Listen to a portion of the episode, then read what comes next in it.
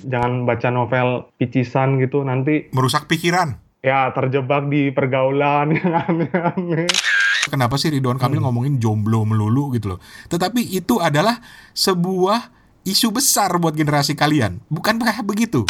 Karena Anda juga menggambarkan fenomena yang salah satunya anak alay itu. Itu bermunculan gimmick-gimmick milenial untuk politik, gimmick-gimmick milenial untuk marketing dan berbagai hal itu yang sebetulnya saya rasa kurang substansial. Gitu. Mhm.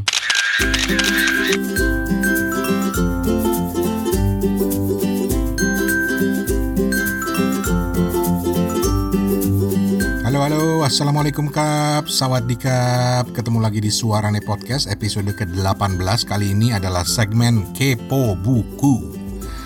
Masih bersama gua Rane Hafid dari Bangkok, Thailand. Nanti gua akan ditemenin juga dengan Steven Sitongan dari Ambon, co-host Kepo Buku. Dan Suarane Podcast episode Kepo Buku kali ini udah lama gua pribadi tunggu-tunggu karena kita akan membahas soal satu buku keren yang memotret anak-anak muda Indonesia sekarang atau istilah kalian kid zaman now ya. Oke, ada yang bilang ini adalah generasi milenial. Tapi ada teori lain yang bisa memetakan anak-anak milenial ini lewat sebuah buku berjudul Generasi P Memahami Milenial Pengubah Indonesia. Nah, kita akan kupas habis bareng Steven plus alhamdulillah dapat juga komentar dari penulisnya langsung yaitu eh, Dr. Muhammad Faisal. Jadi, memang episode ini akan sebagian besar mengupas soal buku yang gila, menarik banget cuy, menarik banget. Lu nanti akan dengar sendiri ceritanya dan syukur-syukur lu tertarik untuk beli bukunya. Tapi sebelumnya ada satu buku dulu yang juga wajib kayaknya dimiliki oleh para penggemar buku dan buku ini diterbitkan oleh co-host Kepo Buku Steven Sitongan dari Ksatria Buku Ambon merupakan buku antologi nanti lu akan tahu sendiri judul bukunya Eh, jangan lupa Ksatria Buku juga di episode ini kembali bakal bagi-bagi beberapa buku keren buat lo yang dengerin. Gratis cuy, gratis. Oke lah, langsung aja kita ke Ambon untuk ketemu dengan co-host Kepo Buku kita.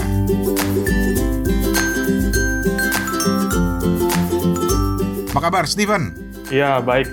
Bang Rane dan pendengar suaranya di mana pun Anda berada. Asik, lu udah kayak orang RRI aja lo ngomongnya. Oh, gitu ya. Kurang kurang ini, kurang sekali di udara tetap di udara. Sekali di udara tetap di udara.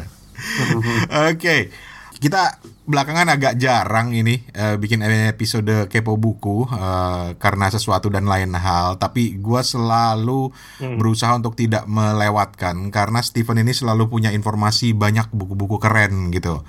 Tapi ngobrol-ngobrol, gimana nih Satria Buku masih lancar? Satria Buku masih bertahan, masih bertahan.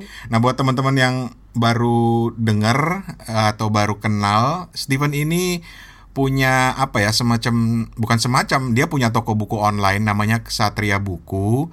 Itu koleksi-koleksinya bisa dilihat di Instagram Ksatria Buku K S A T R I A Buku atau di di mana Steven? Di Tokopedia. Tokopedia Ksatria Buku Ambon ya. Iya, betul. Gitu. Ah, satu satu info terbaru nih. Hmm? Aku ada aku ada eh, penerbitan satu buku antologi kolaborasi menulis gitu, Bang. Oke. sebuah kolaborasi menulis aku dan buku. Nah, bukunya baru terbit dan uh, mungkin ini juga buat promosi buku tersebut karena buku tersebut uh, keuntungannya akan di, disumbangkan ke uh, lembaga-lembaga literasi di pelosok. Oke. Jadi ini Steven yang menggagas dengan teman-teman atau ada pihak lain? Uh, itu bermula dari saya dan seorang editor di penerbitan Jogja.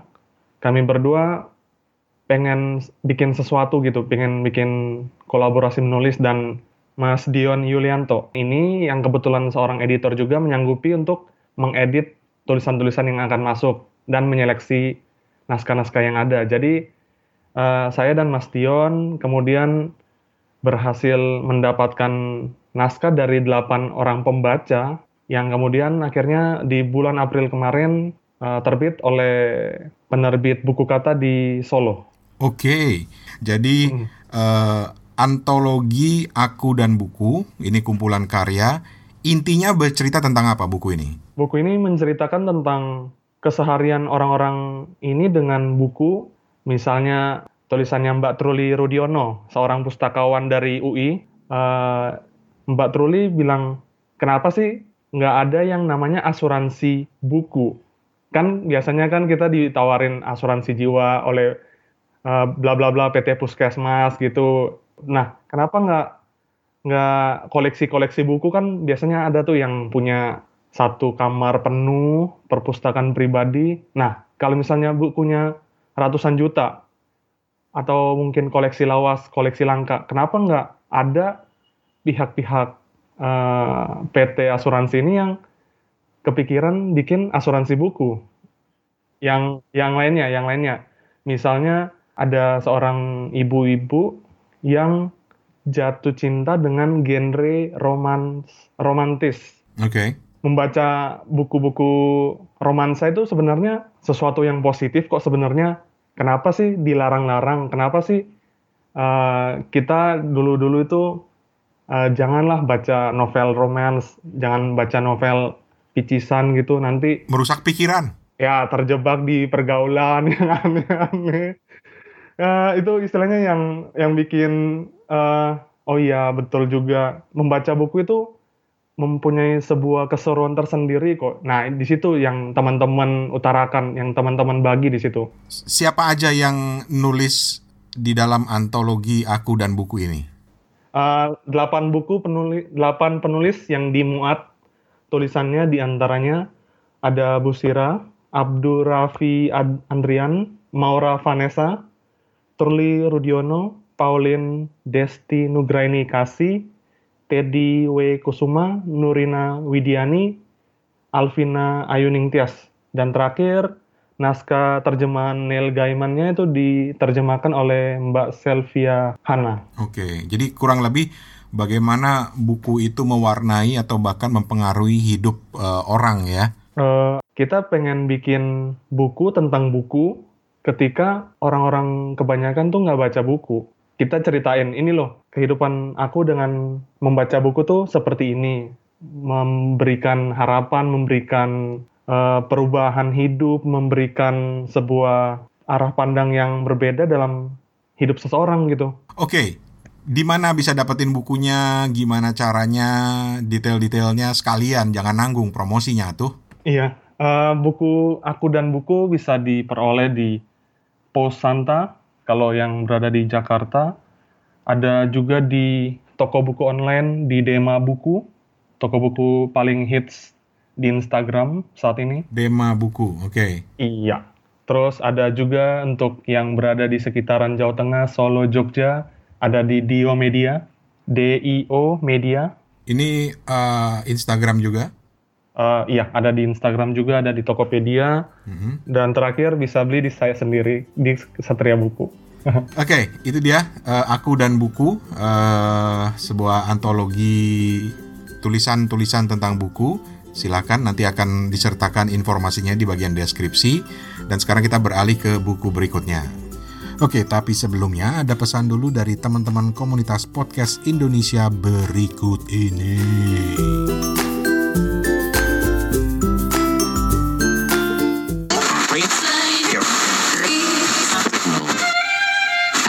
Maaf, bukannya mau ganggu siaran, bukan juga mau so nasehatin, tapi maaf, besok Senin The Podcast bisa didengerin via soundcloud.com slash podcast besok Senin. Maaf, lo dengerin gak dengerin, besok tetap Senin. Oke. Okay.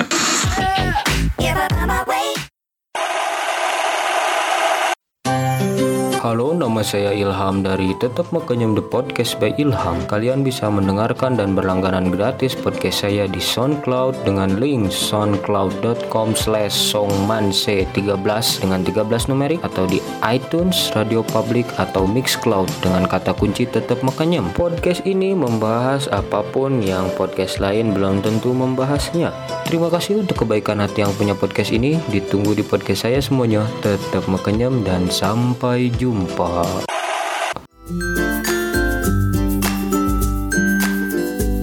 Oke, sekarang di bagian kedua ini kita akan membahas sebuah buku yang memang udah lama banget diniatin. Gue sendiri udah lama banget pengen beli bukunya, Oh, eh, tapi nggak tersedia secara online. Sampai sempat nanya langsung ke penulisnya, ke penerbitnya, ada nggak versi digitalnya? Ternyata nggak ada. Tapi kemudian, alhamdulillah berkat jasa baik seorang hamba Allah gitu kita sebut aja, ada yang bawain buat gua satu epis eh, satu edisi ke Bangkok dan akhirnya abis gua lalap dalam sehari. oh, mantap, Gitu. mantap. Buku ini judulnya, bentar, gua ambil bukunya. Buku ini judulnya adalah Generasi P Memahami Milenial Pengubah Indonesia, karya Dr. Muhammad Faisal eh, dari eh, Youth Laboratory Indonesia. Dia ini founder Youth Laboratory Indonesia. Nah, eh, kita akan cerita komentar masing-masing karena Steven juga udah baca ya Iya, udah baca, udah baca. yang menarik dari buku ini apa, ceritanya tentang apa. Mudah-mudahan kita bisa menghubungi Mas Faisal juga untuk eh, nanya-nanya langsung. Tapi gue langsung penasaran, pengen tahu. Lu termasuk eh, ke dalam generasi P ya, Steven ya? Iya, generasi yang lahir di tahun 88 sampai 2000. Ya, nggak masuk gue. Ah, masuknya apa berarti? Gener- Generasi alfa ya, alfa alfa. Eh, Oh, bu, kejauhan. Oke, sebelumnya sebelumnya kita kita kita singgung dulu deh sedikit ya. Jadi di buku ini, yang menarik dari buku ini karena Mas Faisal ini mencoba memetakan generasi-generasi itu yang konsepnya itu berbeda dari pemahaman tentang generasi-generasi yang kita tahu. Kalau di barat itu kan ada ada eh, baby boomer, baby boomers, terus ada late baby boomer. late baby boomers, generasi X, generasi Y, generasi Z, dan Mas Faisal itu percaya banget dalam buku ini bahwa Indonesia itu punya karakteristik sendiri. Itu yang bikin gue jatuh cinta sama buku ini. Karena Iya, apa? iya, iya. Gue tuh sering banyak, sering banget baca buku tentang eh, generasi apa digital natives gitu kan ya. Iya, Tapi yang ngeselin tuh karena konteksnya itu semua konteks Amerika gitu. iya, internasional. internasional. Makanya gue seneng banget ketika nemu buku ini eh dan ceri ini mencoba melihatnya dari konteks yang khas Indonesia gitu ya. Iya. Jadi kita kita kita coba jelasin dulu. Jadi Mas Mas Faisal ini em, dalam kurun waktu sekitar 30 tahunan itu menurut dia eh, ada Sebuah ada siklus. ada ada siklus dan ada beberapa generasi. Yang pertama itu generasi alfa yaitu gambarannya adalah generasinya Soekarno, Tan Malaka gitu kan ya. Iya, Uh, founding fathersnya Indonesia lah. Terus ada generasi beta, ini generasinya ada Malik, Soeharto gitu ya. iya, Terus generasi omega itu generasinya Iwan Fals, Rano Karno gitu kan. iya. Ini Eh, Warkop DKI. Warkom DKI. Dan gua kayaknya masuk di generasi ini gitu ya. Iya. Sementara itu eh, generasi yang sekarang ini adalah generasi eh, P yaitu mereka yang lahir sekitar tahun 82 sampai 2004 gitu. Oke, Gitu. Steven ada di generasi ini gitu ya. Itu itu Iya. sebagai gambaran besar aja dulu tentang eh, pembagian eh, generasi menurut eh, Mas Faisal. Uh, Faisal, Mas Faisal, Dr. Muhammad Faisal penulisnya. Dokter, iya. Nah, oke. Ini berbeda dengan penafsiran uh, pembagian generasi uh, global ya, yaitu ada baby boomers, X, Y, Z gitu. Baby boomers itu era-era 40 sampai 60, Gen X itu lahir tahun 60 sampai 80, Gen Y itu lahir tahun 80 sampai 2000 dan Gen Z itu lahir tahun 95 sampai 2012. Jadi udah beda banget generasinya gitu eh, penafsirannya dan itulah yang kenapa gua suka karena ini khas Indonesia. Nah, menurut lu sendiri Steven, setelah membaca buku ini apa yang paling penting yang bisa lu dapat dari buku ini? Yang paling penting itu Mas Faisal bisa ngasih insight-insight baru yang mungkin belum banyak orang tahu tentang pembabakan generasi di Indonesia pada umumnya. Mhm. Dan yang paling utama adalah bagaimana penafsiran terhadap generasi Pi yang adalah generasi pengubah bangsa Indonesia. Kenapa? Karena generasi ini yang akan memegang eh, pucuk-pucuk pemimpinan yang akan membawa Indonesia bisa melangkah ke 100 tahun ke depan, 50 tahun ke depan dengan aman atau tidak. Dan Mas Faisal memberikan temuan-temuan riset yang diadakan di berbagai kota dan secara umum apa itu generasi Pi, apa itu eh, karakteristik-karakteristik yang berhubungan dengan generasi Pi ini diulas secara cukup cukup baik. Bagaimana mengapproach generasi Pi juga dijelaskan di sini, bagaimana cara megang generasi Pi ini juga, dan yang paling penting apa sih tantangan-tantangan ke depan yang dihadapi oleh generasi Pi. Ini semua uh, merangkum bagaimana generasi Pi ini di mata seorang peneliti dan dikemas dengan cara-cara yang dengan cara yang ditulis populer gitu. Oke. Okay. Hmm. Tapi yang menarik dari buku ini, generasi P ini harus kita pandang dari sisi yang yang yang berbeda, yang unik gitu yeah. ya. Uh, misalnya kadang-kadang kita menganggapnya sebagai generasi yang irasional dalam bertindak gitu. Iya. Uh, mereka lahir di situasi sosial politik yang yang berbeda. Uh, di satu sisi mm. digital itu sudah menjadi bagian dari kehidupan mereka, tapi juga radikalisme dan juga apa namanya kekerasan itu juga sedang mewarnai kehidupan sekarang gitu ya. Mm. Dan mereka cenderung independen dan banyak sekali apa ya uh, mewarnai kehidupan-kehidupan mereka itu dengan hal-hal yang bersifat kreatif. Kreatif. Menurut iya. lu gimana? Lu generasi V kan?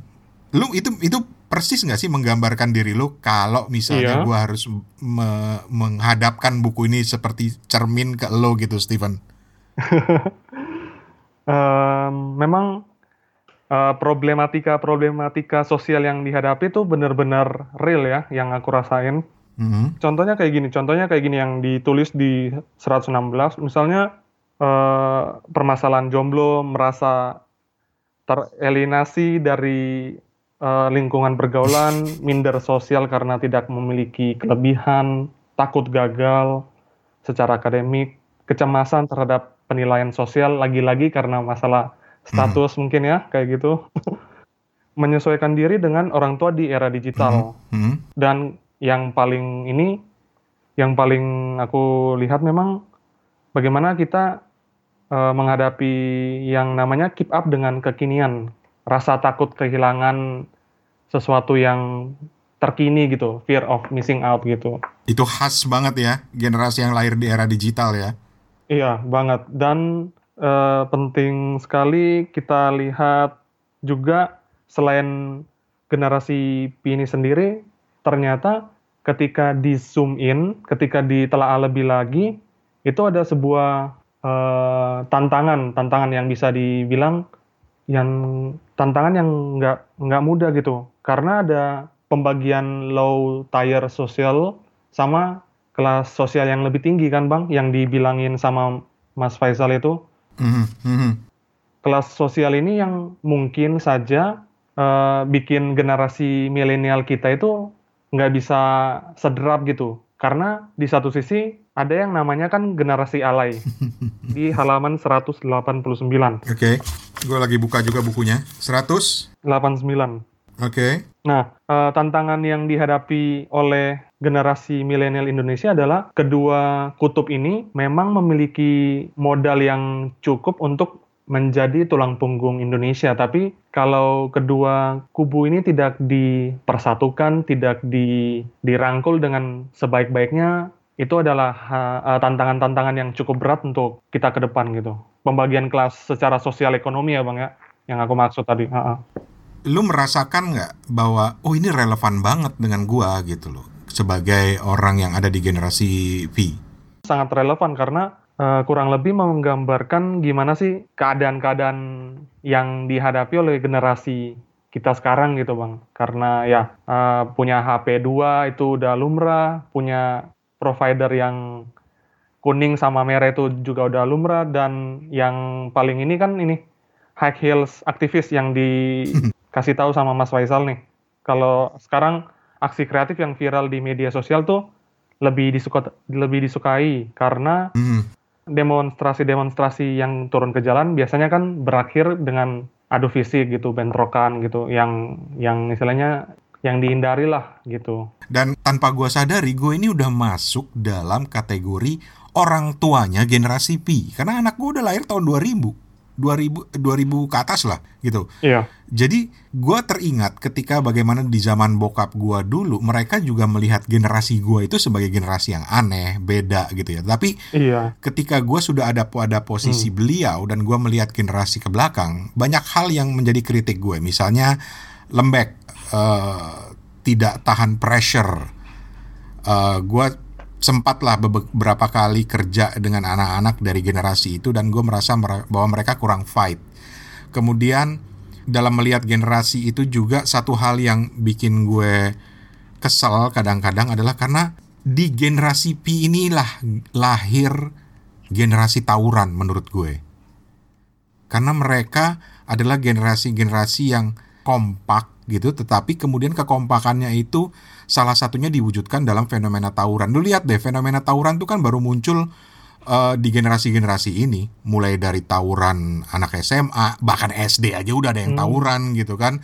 Kemudian nonton bola tawuran, kemudian pindah ke online tawuran gitu loh. Orang ngebully orang secara online itu kan buat gua adalah bentuk tawuran. Nah yang menariknya adalah karena di buku ini dijelasin oleh Mas Faisal fenomena-fenomena ini. Misalnya bagaimana dia bilang Iya, iya. bahwa kekuatan sosial dari demografi anak muda itu sebenarnya ada pada eh, apa ya yang disebut sebagai lower tier youth. Eh, itulah para alay itu yang disebut eh, Steven tadi. Dan mereka melakukan kegiatan apa pun tuh kecenderungannya dilakukan secara kolektif, tidak dilakukan secara individual dan mungkin ini yang melahirkan.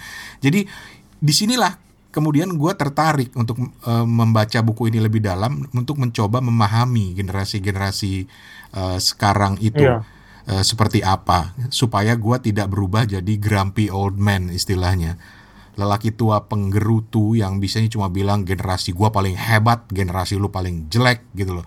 Sementara eh, waktu gua masih di era gue gitu ya. Orang tua kita juga sama melihat generasi di bawahnya itu seperti itu gitu.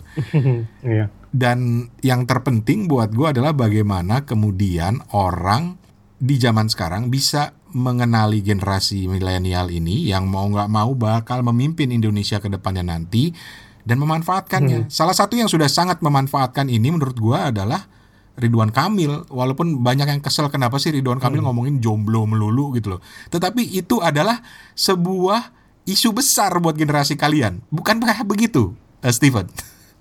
iya iya betul betul makanya kan dibikin eh, selain yang dibilang tadi kan di Pemkot Bandung bikin apa ya namanya lembaga konsultasi mental ya kalau nggak salah Mhm.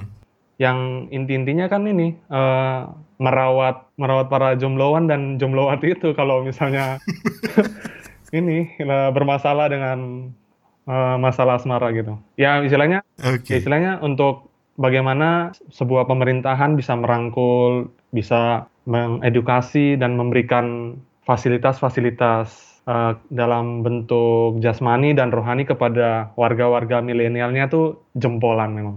Betul, betul sekali. Dan yang menarik juga adalah bahwa di era pemerintahan sekarang, gua nggak bermaksud kampanye, Yap. bahwa anak-anak muda, terutama generasi-generasi P atau generasi milenialnya Indonesia ini, lebih mendapat tempat. Iya. Misalnya mereka diberikan eh, difasilitasi untuk lebih berkarya gitu kan, dan lahirlah banyak-banyak eh, sosok-sosok eh, menarik di situ ya.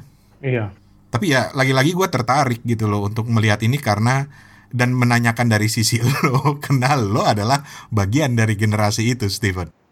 Ah, karena ya itu eh, kebutuhan untuk ak- aktualisasi diri, kebutuhan untuk eh, bisa berkontribusi kepada masyarakat juga betul-betul menjadi concern yang kita hadapi gitu, generasi sekarang hadapi bagaimana eh, bisa berkontribusi kepada nusa dan bangsa gitu. Oke. Dan mudah-mudahan kita bisa dapetin eh, Mas Faisalnya nanti ya untuk uh, cerita lebih banyak tentang cikal bakal sampai dia muncul dengan buku ini. Yang jelas buat gue ini buku Iya. sangat penting dan kalau harus ada masuk uh, daftar buku yang paling penting dalam abad ini, gue akan ambil ini buku salah satu acuannya karena ini Indonesia banget. Setuju, setuju. Di tahun ini pun aku rasa masih sangat relevan dan mungkin bagi para para politisi bisa bisa jadi bocoran ya bang ya untuk bagaimana menggaet suara dari eh, kubu generasi Pi. Betul, betul banget. Jangan lupa bahwa Mhm. Indonesia dalam beberapa tahun ke depan akan memasuki sebuah era yang disebut sebagai era eh, bonus demografi. Iya. Yaitu sebuah era di mana usia-usia salah satunya itu usia-usia yang eh, di generasi Pi sekarang ini akan sangat besar jumlahnya dan Mhm. ya itu mereka voters gitu. Swing voters yang diperebutkan gitu. Betul. Dan masalahnya juga adalah karena generasi-generasi P ini, milenialnya Indonesia, gue selalu suka pakai istilah itu, yaitu mereka punya kecenderungan apolitis.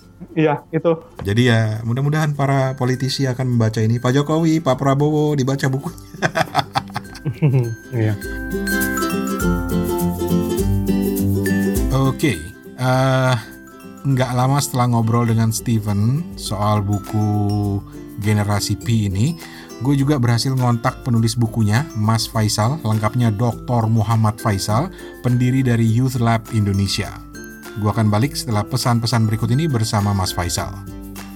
Pakai iklan dulu cuy, komunitas podcast Indonesia punya pesan.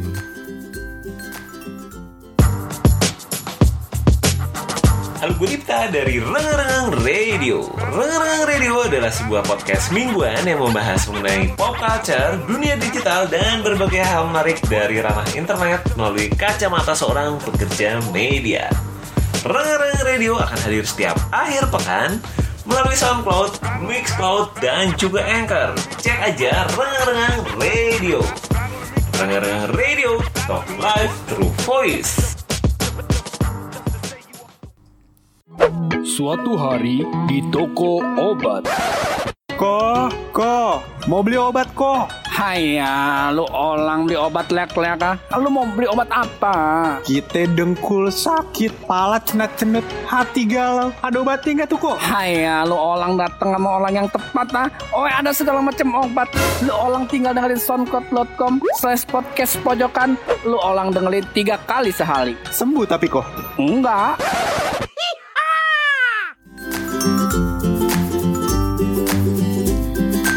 Iya, balik lagi di Suarane Podcast episode 18 edisi Kepo Buku dan kita masih bahas buku Generasi P, Memahami Milenial Pengubah Indonesia dan beruntung banget gue bisa kontak Mas Faisal atau Dr. Muhammad Faisal penulisnya. Eh, Mas Faisal ini adalah seorang peneliti anak muda dan founder dari Youth Lab Indonesia yang menuangkan hasil penelitian panjangnya ke buku yang asli men. Asli keren banget lo mau anak milenial atau lo mau generasi X kayak gue wajib baca. Kalau perlu lu beli itu buku kasih ke bokap lu juga biar mereka tahu gitu.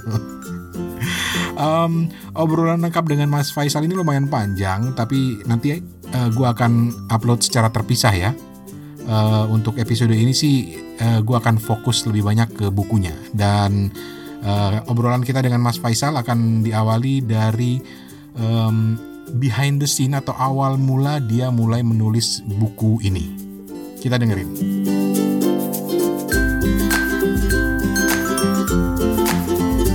Eh, awal-awal tema anak muda itu pas saya baru diriin Youth Lab pasti orang lebih melihatnya dari ya itu ya dari sisi anak muda sebagai pasar gitu pasti kan.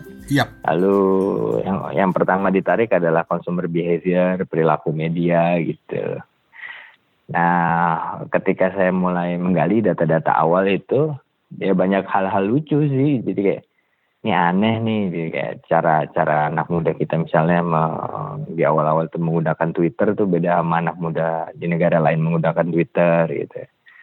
Eh, kayak misalnya waktu itu kan saya pada akhirnya banyak berkomunikasi dengan sesama peneliti anak muda di negara lain misalnya hmm. di Indonesia kayak dual handset aja itu kan sangat menarik yang saya tulis di generasi V juga jadi anak muda Indonesia kan paling di di awal uh, penetrasi mobile phone mereka menggunakan dua handphone dan itu tidak terjadi di negara lain ternyata anak-anak muda tidak seperti tidak seperti itu. Lalu Twitter itu digunakan sebagai pengganti SMS kan kita waktu itu sempat mengalami transisi itu. Jadi SMS nggak pernah dibales tapi kalau di di Twitter dibales gitu. Uh -huh. itu juga tidak tidak terjadi tidak terjadi di negara lain sesuatu yang kita sehari-hari mungkin di sini take it for granted ya ya itu kan biasa tapi ternyata dari perspektif negara lain gitu loh sesama anak muda kalau dibandingkan itu nggak nggak nggak nggak terjadi dan saya coba cari uh, eksplanasinya dan ternyata eksplanasinya bukan dari dunia consumer behavior tapi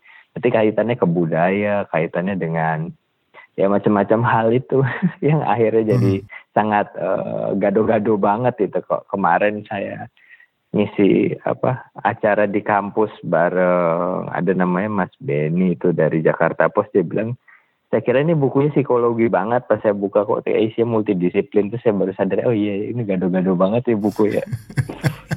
Tapi justru menarik uh, karena benar-benar benar-benar gue banget kalau kata anak-anak muda gitu. Benar-benar menggambarkan mereka sekali. Dan ini salah satu yang saya baca juga dan juga banyak artikel tentang uh, buku ini yang saya lihat di uh, media adalah Anda juga kemudian banyak terjun langsung ke mereka. Iya, jadi pas uh, pertama kali mendirikan Youth Lab kan ini behind the scene-nya uh, itu dengan modal hmm. modal yang yang sedikit lah.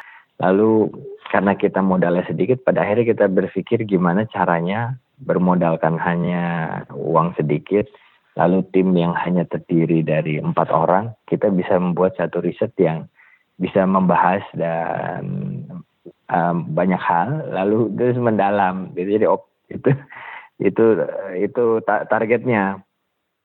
Nah, pada akhirnya kita ya oke okay, dengan empat orang ini berarti kita harus bisa hmm. bisa ngerjain dari hulu ke hilir masing-masing gitu jadi itu bermula dari situ aja sih mas itu. Setelah itu terus kita mulai kayak ngerjain semua sendiri terjun ke lapangan sendiri wawancara hmm. sendiri olah data sendiri.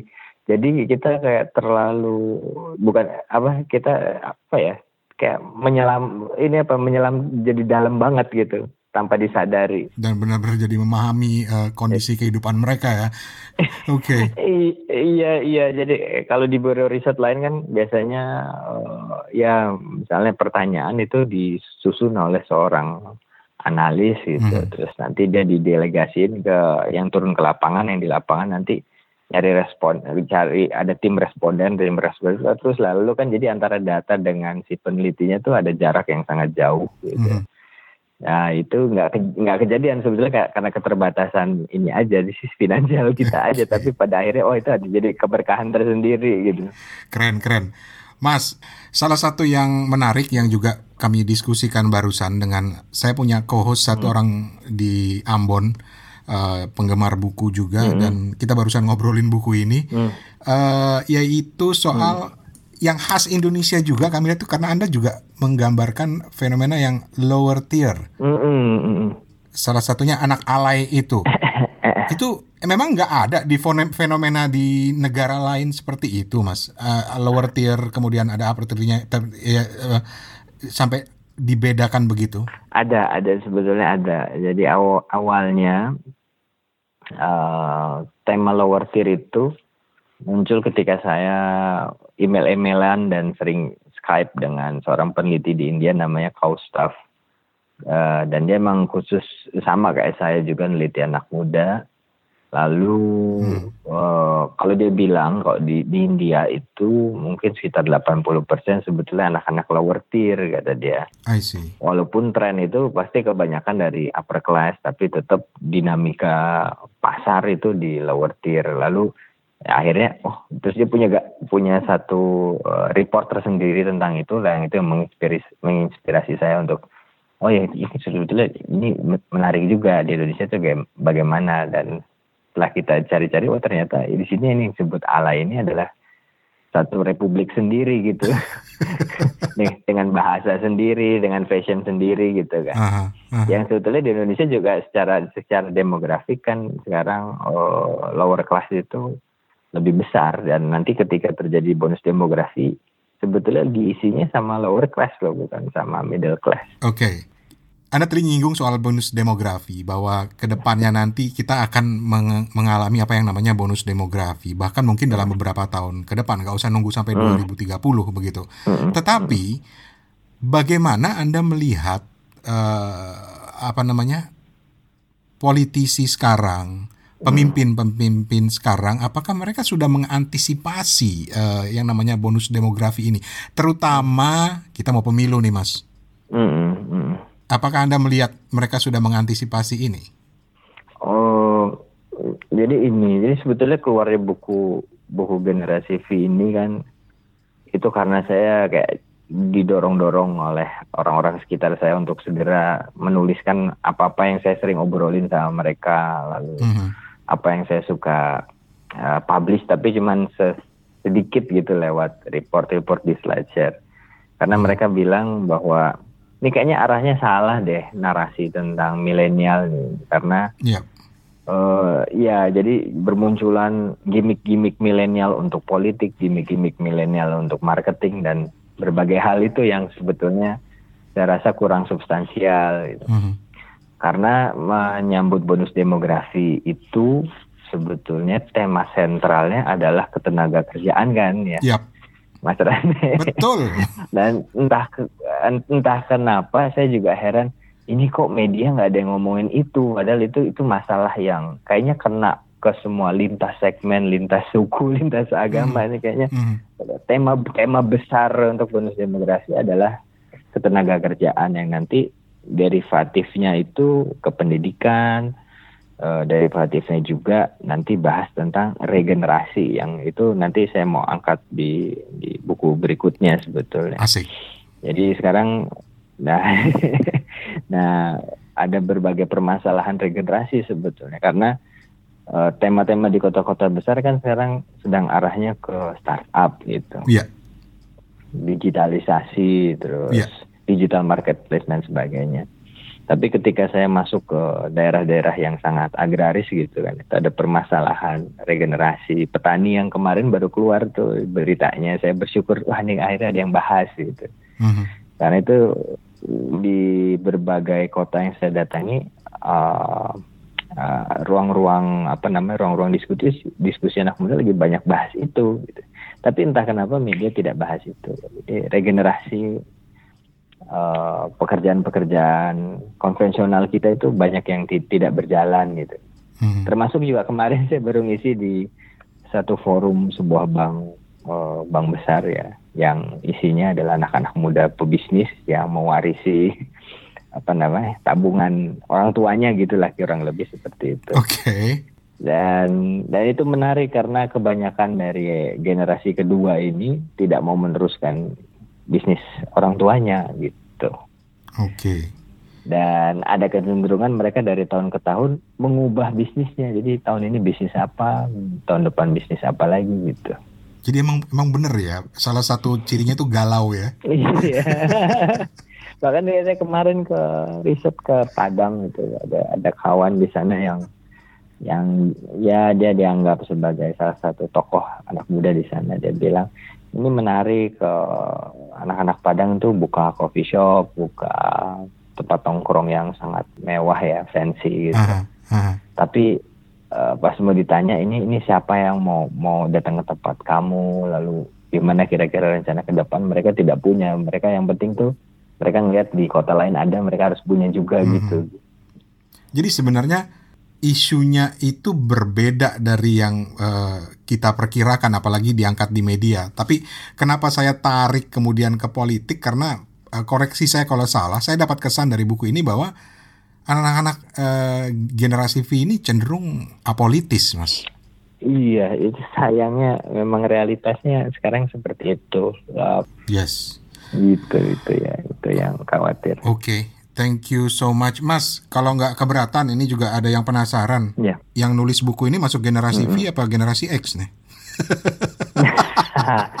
Oh, sorry, bukan generasi eh, V atau generasi Omega. Nah, kalau di luar negeri ada ada eh, kalau nggak salah kemarin sempat publish ada buku Gen X will save the world gitu kan. Jadi Oke. tetap yang paling keren itu ya adalah generasi X atau kalau di buku saya generasi Omega paling keren.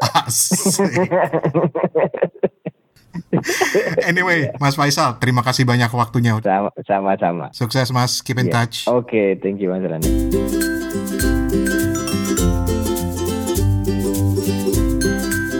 Yo Ico, itu tadi eh, Mas Faisal. Thank you banget Mas Faisal untuk obrolannya. Eh, obrolan lengkapnya masih panjang sebetulnya. Nanti gua akan upload secara terpisah beberapa hari ke depan. Gue janji beberapa hari ke depan gua akan upload. Em, sekaligus juga nanti akan menutup eh, season 1 Suaranya Podcast. Eh, pakai season-seasonan juga kita ya. Tapi yang jelas men lu harus baca bukunya. Lu mau milenial lu mau generasi X mau generasi bokap lu kalau perlu lu kasih bukunya biar kita sama-sama mengenali antar generasi kita gitu ya. Dan yang menarik adalah seperti gua cerita tadi sama Steven juga ini buku Indonesia banget. Karena selama ini kan patokan kita adalah eh, teori generasi yang berasal dari barat gitu ya. Jadi sebenarnya beda fenomenanya. Bahkan sampai generasi alay pun ada dibahas di buku ini. Pokoknya keren banget dah. Aduh, keren banget, keren banget. Jadi ya, thank you banget buat Mas Faisal penulis buku ini.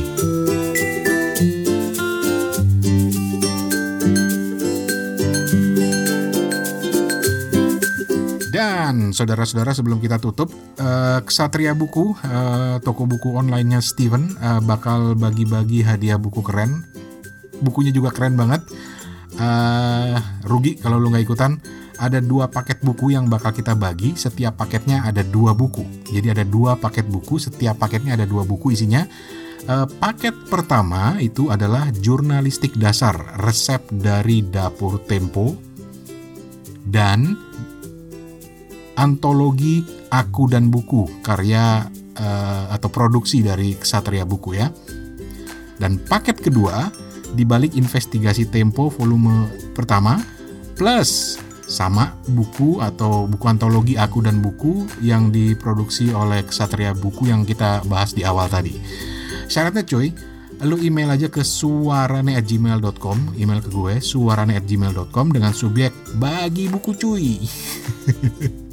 Terus eh, lu tulis lu mau paket buku satu atau paket buku dua? Nanti akan gua ulang ya eh, paket bukunya ya paket buku satu atau paket buku dua. Dan ini syarat khas hanya ada di Kepo Buku yaitu eh, buku-buku ini akan kita kasih ke siapa pun yang nanti akan terpilih. Kita akan undi gratis. Tapi tapi setelah dibaca lo wajib share ke temen lo.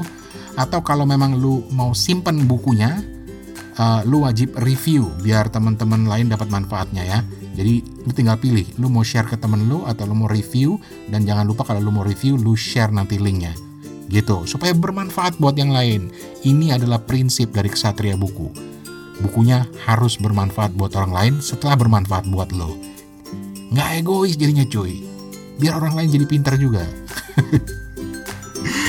Oke, terserah nanti lu mau bahas di podcast lu, di Facebook, di blog lu, atau di Goodreads, bebas, bebas. Yang penting kita harus selalu share manfaat buku ini. Oke, sekali lagi ada dua paket yang bakal kita bagi gratis. Lu cukup email ke gue di suarane@gmail.com, subjeknya bagi buku cuy dan sebutin lu mau paket yang pertama atau yang kedua dan juga lu mau review ini atau lu mau share ke temen lo setelah lu baca. Uh, bukunya. Paket pertama yaitu jurnalistik dasar resep dari dapur Tempo. Ini keren banget asli buku ini. Plus buku produksinya eh, Satria Buku yaitu antologi Aku dan Buku. Paket kedua dibalik investigasi Tempo volume 1 plus buku yang sama yaitu antologi Aku dan Buku yang tadi kita bahas di awal. Gitu. Ditunggu Eh, hadiah ini dipersembahkan oleh Ksatria Buku, toko buku online yang bisa lo lihat koleksi-koleksi kerennya di Ksatria Buku di Instagram, Ksatria Buku, itu alamat Instagramnya atau di Tokopedia, lo search aja Ksatria Buku Ambon.